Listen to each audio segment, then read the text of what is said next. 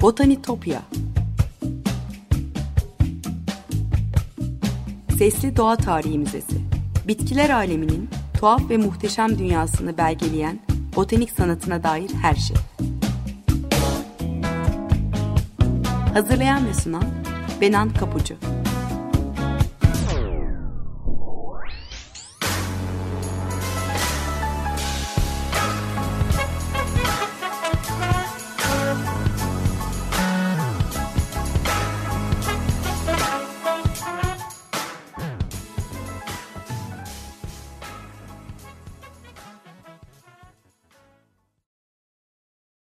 Merhaba sevgili Açık Radyo dinleyicileri. Botanitopya'ya, bitkiler aleminin tuhaf ve muhteşem dünyasına hoş geldiniz. Anlatıcınız ben Benan Kapıcı. botanitopya.gmail.com elektronik posta adresinden ya da aynı adlı Twitter ve Instagram hesaplarımdan bana her zaman ulaşabilir. Anlattığım konuyla ilgili yorumlarınızı veya varsa katkınızı paylaşabilirsiniz. Ee, burada anlattığım bitki hikayelerini görsellerle, linklerle ya da küçük özetlerle destekliyorum sosyal medya hesaplarım üzerinden. O yüzden takipte olursanız çok sevinirim. Ee, geçmiş kayıtlara Spotify'dan Açık Radyo Podcast üzerinden ulaşabiliyorsunuz. Onu da tekrar hatırlatmak isterim. Ee, sevgili dinleyiciler bugün abanozgillerden Diospyros cinsi ağaçları konuşacağız. Doğu ve Güneybatı Asya, Afrika ve Amerika'nın tropikal bölgelerinde yetişen 400 kadar türü kapsayan bu cinsin meşhur üyelerini biliyorsunuzdur mutlaka. Biri abanos, e, eski uygarlıklardan beri e, siyah mermere benzeyen kerestesinden en değerli mobilyaların, e, dekoratif objelerin yapıldığı ağaç. Cennetten düşmüş gibi lezzetli meyveleri olan Trabzon hurması ve kara hurma da Diospyros ailesinden. Yani aynı aileden ama huyu suyu farklı ağaçlar gördüğünüz gibi. E, Abanos ağacı diye bildiğimiz Diospyros ebenum'un hikayesinden başlayalım. E, Sri Lanka, Hindistan ve Afrika'nın içlerinde yetişen bu ağaçların e, doku ve damarları neredeyse görünmeyen simsiyah bir odunu var ve suda batacak kadar da ağır. 20 metre uzunluğa ulaşabilen bu yaprak dökmeyen, yavaş büyüyen tür e, dayanıklı, ağır ve perdahlanabilecek kadar sert olduğu için saray mobilyalarının en gözde malzemesi olmuş yüzyıllar boyunca. E, saraylar da yapılmış onun kerestesinden. Milattan önce 3. bin yılda e, Sümer krallarının Hindistan menşeli abanoz ağaçlarını o zamanlar e, deniz ticaretinin merkezi olan Bahreyn adasından getirterek e, mabet ve saray yapımında e, kullandığı e, tabletlerde de e, belgelenmiş. E, Mısır'da yapılan kazılarda bulunan ahşap eşyanın çoğu da Afrika abanozundandır. Abonoz işlenmesi son derece zor, sert e, yapısıyla ancak mermer ile e, karşılaştırabilen bir malzeme. E, işlendiğinde mükemmel parlak bir yüzey elde edebiliyor. Gösterişli mobilyalar yaratılabildiği için Avrupa'da yüzyıllar boyunca bir yanında saygı gören hatta kutsallık atfedilen bir ağaç olmuş. 15. yüzyıldan sonra Almanya'da marangozlar sarayların dolaplarını abanoz ağacından yapmaya başlamış. Abanozdan yapılan herhangi bir eşya ancak kraliyet ailesi veya zenginlerin sahip olabileceği bir lüks olarak kabul ediliyordu. E, alegorik temalar, e, klasik e, Hristiyan tarihinden alınan sahneleri betimleyen oymaları, heykel süslemeleri olan bu dolaplar Paris'te de e, yaygın olarak yapılmaya başlar. E, Fransa'da marangozlar daha çok abonoz işleme ustalığıyla özdeşleştikleri için meslek grubu Menüziye on eben yani abonoz marangozları veya ebenist diye anılır olmuş hatta. 1590'ların da e, ortalarında yazıldığına inanılan Aşkın Çabası Boşuna e, oyunu e, başta olmak üzere Shakespeare oyunlarında da abanoz ağacına atıflar var. Onun zamanında İngiltere'de kesinlikle bilinen ve beğenilen bir ağaç olduğunu da anlıyoruz böylece.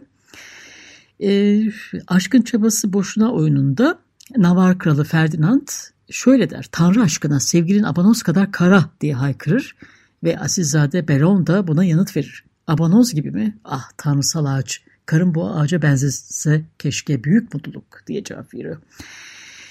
Ee, abanoz kerestesi her zaman nadir ve pahalı bir ürün olmuş dediğim gibi. 1600'lerde Hindistan, Mauritius ve Madagaskar'dan İngiltere'ye ithal edilmeye başlamıştı. 1800'lere kadar Afrika ile e, kereste ticaretinin olması, Sri Lanka'daki İngiliz hakimiyeti, e, en kaliteli keresteden yapılan abanoz mobilyaların arzın artması e, bu ağacın yaygın olarak kullanıldığı anlamda da gelmiyordu e, elbette. Kaynaklar da azalıyordu bir yandan.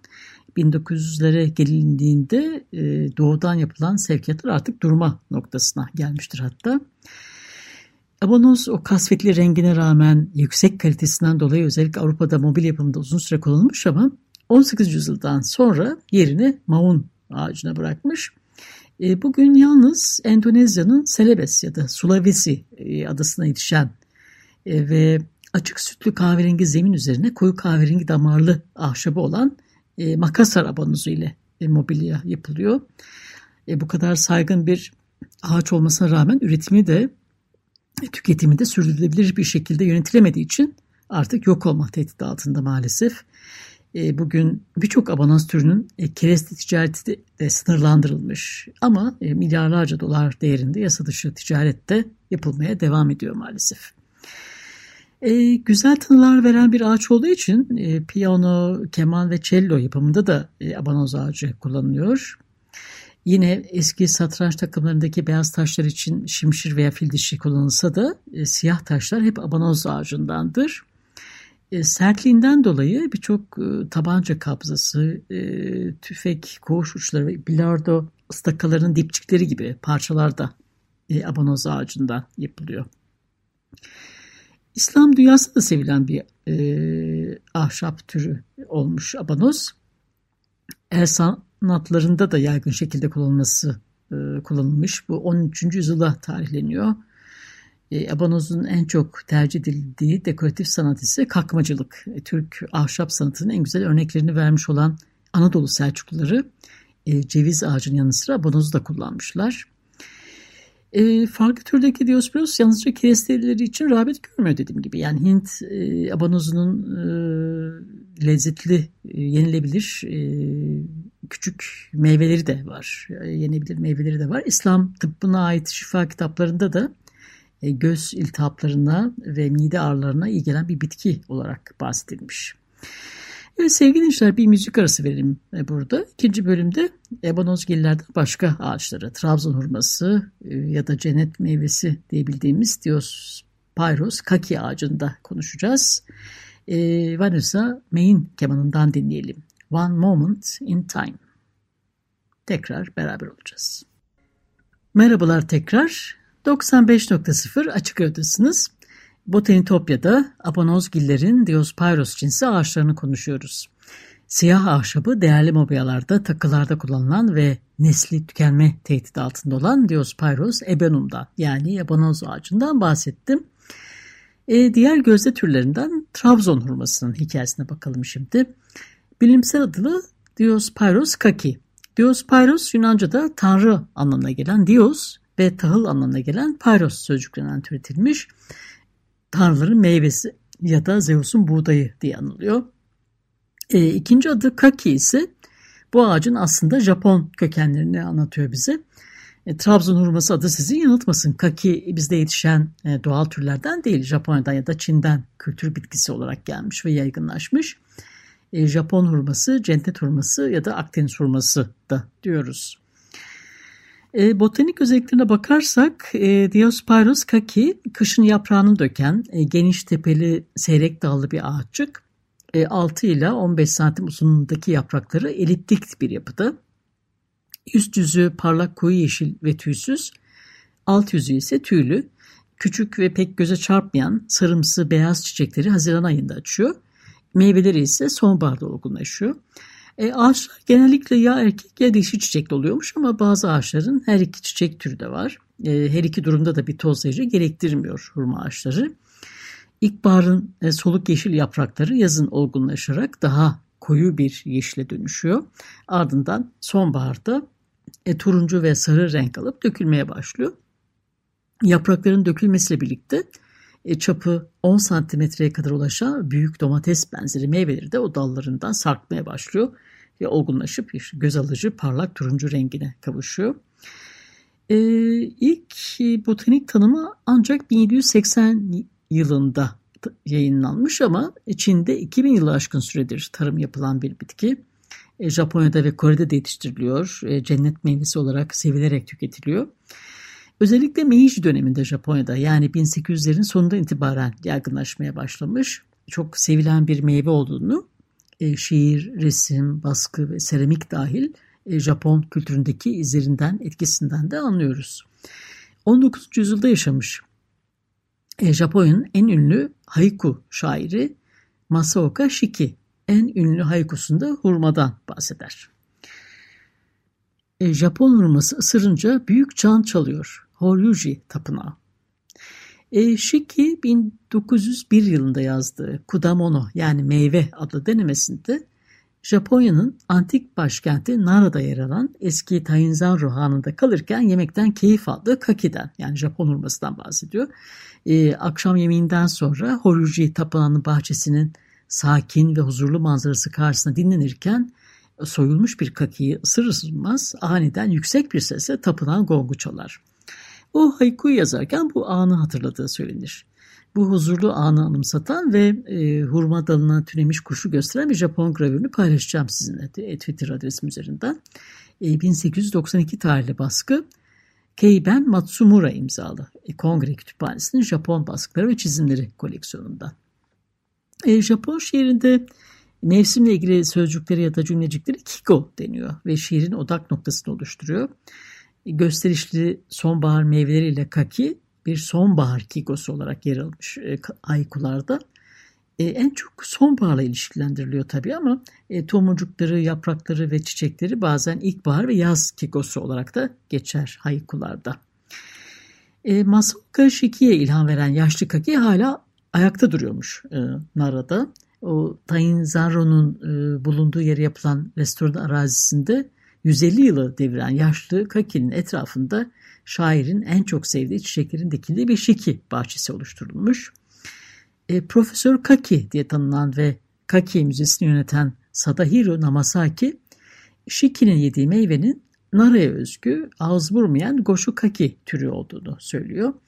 Hamasaki'ye göre e, Kaki'nin ataları 10 milyonlarca yıl önce Güneydoğu Asya'da ortaya çıkmış. E, Çin'de binlerce yıl tarımı yapılıp daha da geliştikten sonra yaklaşık 1400 yıl önce Japonya'ya ulaşmış. E, milattan önce 300 ile milattan sonra 250 yıllarını kapsayan e, Yayoi dönemine ait arkeolojik kazılarda e, yine bu Japon hurmasına Kaki'ye ait e, kanıtlar ortaya çıkarılmış. E, Namasaki Japonya'da ağaçta tatlanan ve buruk olmayan Zenjimaru adı verilen ilk kakinin e, Kamakura e, döneminde e, yani 12. yüzyılda ortaya çıktığını, Muromachi döneminden yani 14. yüzyıldan sonra da Japonya'nın diğer bölgelerine yayıldığını ve çeşitli halk masalarında adının geçmeye başladığını söylüyor. E, Kakia yani Japon hurmasına bilimsel adını veren e, 1775-1776 yıllarında Japonya'ya keşif gezisini yapan İsveçli botanikçi Karl Peter Thunberg e, olmuş. 1800'lerden e, sonra meyve e, Avrupa ve Güney Amerika'ya doğru da yol almış.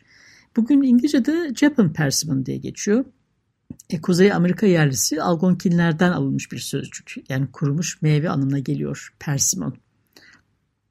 Japonya'da meyveler hasattan sonra ipe dizilip geleneksel Minka evlerinin saçak altlarına asılırmış. E, güneşte doğal olarak kurumaya bırakıldıktan sonra Hoshigaki adı verilen yüksek enerji tatlılar olarak yeniyor. E, Çin'de de atıştırmalık olarak ya da yemeklerde kullanmak üzere soyuluyor, işte açık havada kurutuluyor ya da ezilerek tüketiliyor. Japonya'da gördüğünüz e, o manzaraları sonbaharda Karadeniz'de de rastlayabilirsiniz sıkça. E, direnip yaprakları dökülmüş ağaçların dallarının üzerinde dallarında kışa kadar kalmaya başlayan o güzelim meyveler yılbaşı süsleri gibi sonbaharı güzelleştiren harika manzaralar yaratıyorlar. Gerçekten de yaprak döküldükten sonra meyveler en gösterişli haline bürünüyor ve hasat edilmezse, toplanmazsa kışa kadar da dalda olgunlaşmaya devam ediyor. O yüzden e, her mevsim cezbedici göründüğü için kent bahçelerinde de çok sevilen bir ağaç. Minka evlerinde değil ama serenderlerde ipe dizilip asılıyor Karadeniz evlerinde doğurmalar. E, Türkiye'de Karadeniz kıyıları ile Hatay ve Antalya civarında yetiştiriliyor e, hurma. E, hurma sözcüğü de Farsça, kurmalı e, adından geliyor. Türkiye ilk defa 1920 yılında Fransızlar tarafından getirilip Hatay bölgesine yetiştirilmiş bu ağaç. Bu yüzden e, meyvenin ismi e, Frence, Fransız inciri veya Frank elması olarak da biliniyor. Diospyros kake'nin biçimleriyle de farklı. Ağız buran ve ağız vurmayan iki ana türü var. E, Japonya'da hachiya olarak bilinen ağız buran hurmaların meyveleri daha oval ve sivri. Proantosiyadin tanenleri bakımından yüksek olduğu için e, yemeden önce ağaçta tamamen olgunlaşmalarına izin vermek gerekiyor. Yoksa taze haldeyken tek bir ısırık almak e, bile cesaret istiyor gerçekten. Daha çok kurutma için tercih edilen bir tür bu. E, tamamen olgunlaştığında ince, parlak sarı veya turuncu mumsu kabuğunun altında neredeyse püre haline geliyor meyve. E, ağız vurmayan bir tür olan Fuyugaki e, sert ve gevrek haldeyken olgunlaşmamışken bile yenebiliyor. Olgunlaştığında diğerinden çok daha üstün bir tada sahip oluyorlar üstelik. E, hatta Karadeniz'de çikolatalı diyorlar bu türüne. Pek makbul bir meyve. E, taze veya kurutulmuş e, hurma A ve C vitaminleri, potasyum, manganez, bakır ve fosfor bakımından da yüksek bir meyve. E, Asya'da iyileştirici özelliklerinden bahsediliyor e, kakinin. Eski şifa kitaplarında da yer alıyor. Oradaki bilgilerden bahsedeyim. E, Çin tıbbında bahsediliyor. Mide rahatsızlıklarına ve ishale karşı faydalı. E, olgunlaşmamış meyveler bal gibi tatlı olana kadar kaplarda olgunlaşma bırakıldığında ateş düşürücü e, olduğu, e, meyve sapının öksürüğü hafiflettiği düşünülmüş. Bu etkileri güçlendirmek için e, meyve kullanımından önce soyulur. Gün boyunca güneş ışığına maruz bırakılır. E, gece ise üzerine beyaz bir toz gibi çiğ kaplanıncaya kadar da bekletilirmiş. E, hurmanın e, Diospyros virginiana türü de var. E, Amerikan hurması, possum hurması veya şeker eriği de deniyor.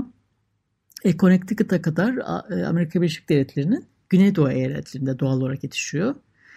E, 20 metre kadar boylanabilen e, bir tür bu. E, kabuğunun o timsah derisi gibi görüntüsü de çok enteresan. E, tipik bir görünümü var bu anlamda. Bu hurmanın da küçük yuvarlak sarı, hafif kırmızı yanaklı meyveleri var. E, ilk Avrupalı kaşifler önce onu muşmula yani Mespilus germanica ile karıştırmışlar ama e, farklı bir tür olduğu anlaşılmış sonra. E, Kuzey Amerika yerleri e, meyvesini tüketirmiş. E, hurmanın kurutulmuş tohumlarından e, Amerikan İç Savaşı'ndaki askerlerin üniformalar için düğmeler yapılmış. E, Diospyros'un diğer türlerinden biri olan e, Diospyros lotus, hurma eriği veya Kafkas hurması diye biliniyor. Bu da e, yine e, bilinen, sevilen bir tür. Bahçelerde yetiştirilen en yaygın hurma. E, bu ailenin en küçük meyve veren türü geniş bir doğal yayılış alanına sahip. E, ana vatanı Kafkas dağlarından Çin ve Güney Kore'de e, uzanıyor. E, bizde özellikle Karadeniz'de kara hurma diye bilinen ve doğal olarak yetişen bir tür.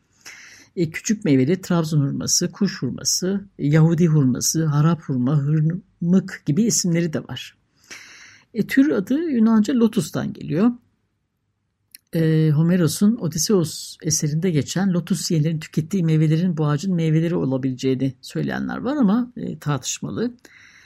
E, Lotus Arayışı adlı kitabında Mark, Mark Griffiths ise Homeros'un sözünü ettiği meyvenin Latince adı Ziziphus lotus olan hünnap ağacı olabileceğini, bu bitkinin algıda ve ruh halinde geçici değişikliklere, e, değişikliklere neden olan psikoaktif özellikleri olduğunu söylüyor. Evet sevgili dinleyiciler bugün Diospyros türlerinden dem vurduk. Simsiyah özüyle mücevher değerinde abanozun ve onun akrabaları hurma ağaçlarının hikayesi de böyle. Botanitopya'daki keşif yolumuz bu haftalıkta sona ermiş bulunuyor. Sosyal medya hesaplarımı tekrar hatırlatayım.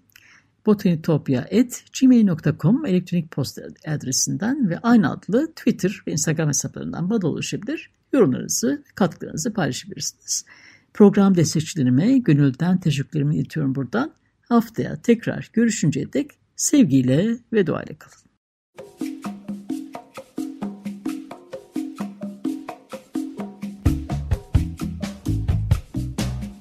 Botanitopya Sesli Doğa Tarihi Müzesi Bitkiler aleminin tuhaf ve muhteşem dünyasını belgeleyen botanik sanatına dair her şey. Hazırlayan ve sunan Benan Kapucu.